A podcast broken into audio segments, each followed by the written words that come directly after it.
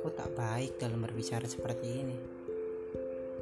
Untuk itu, nikmati saja semua yang aku ceritakan nanti.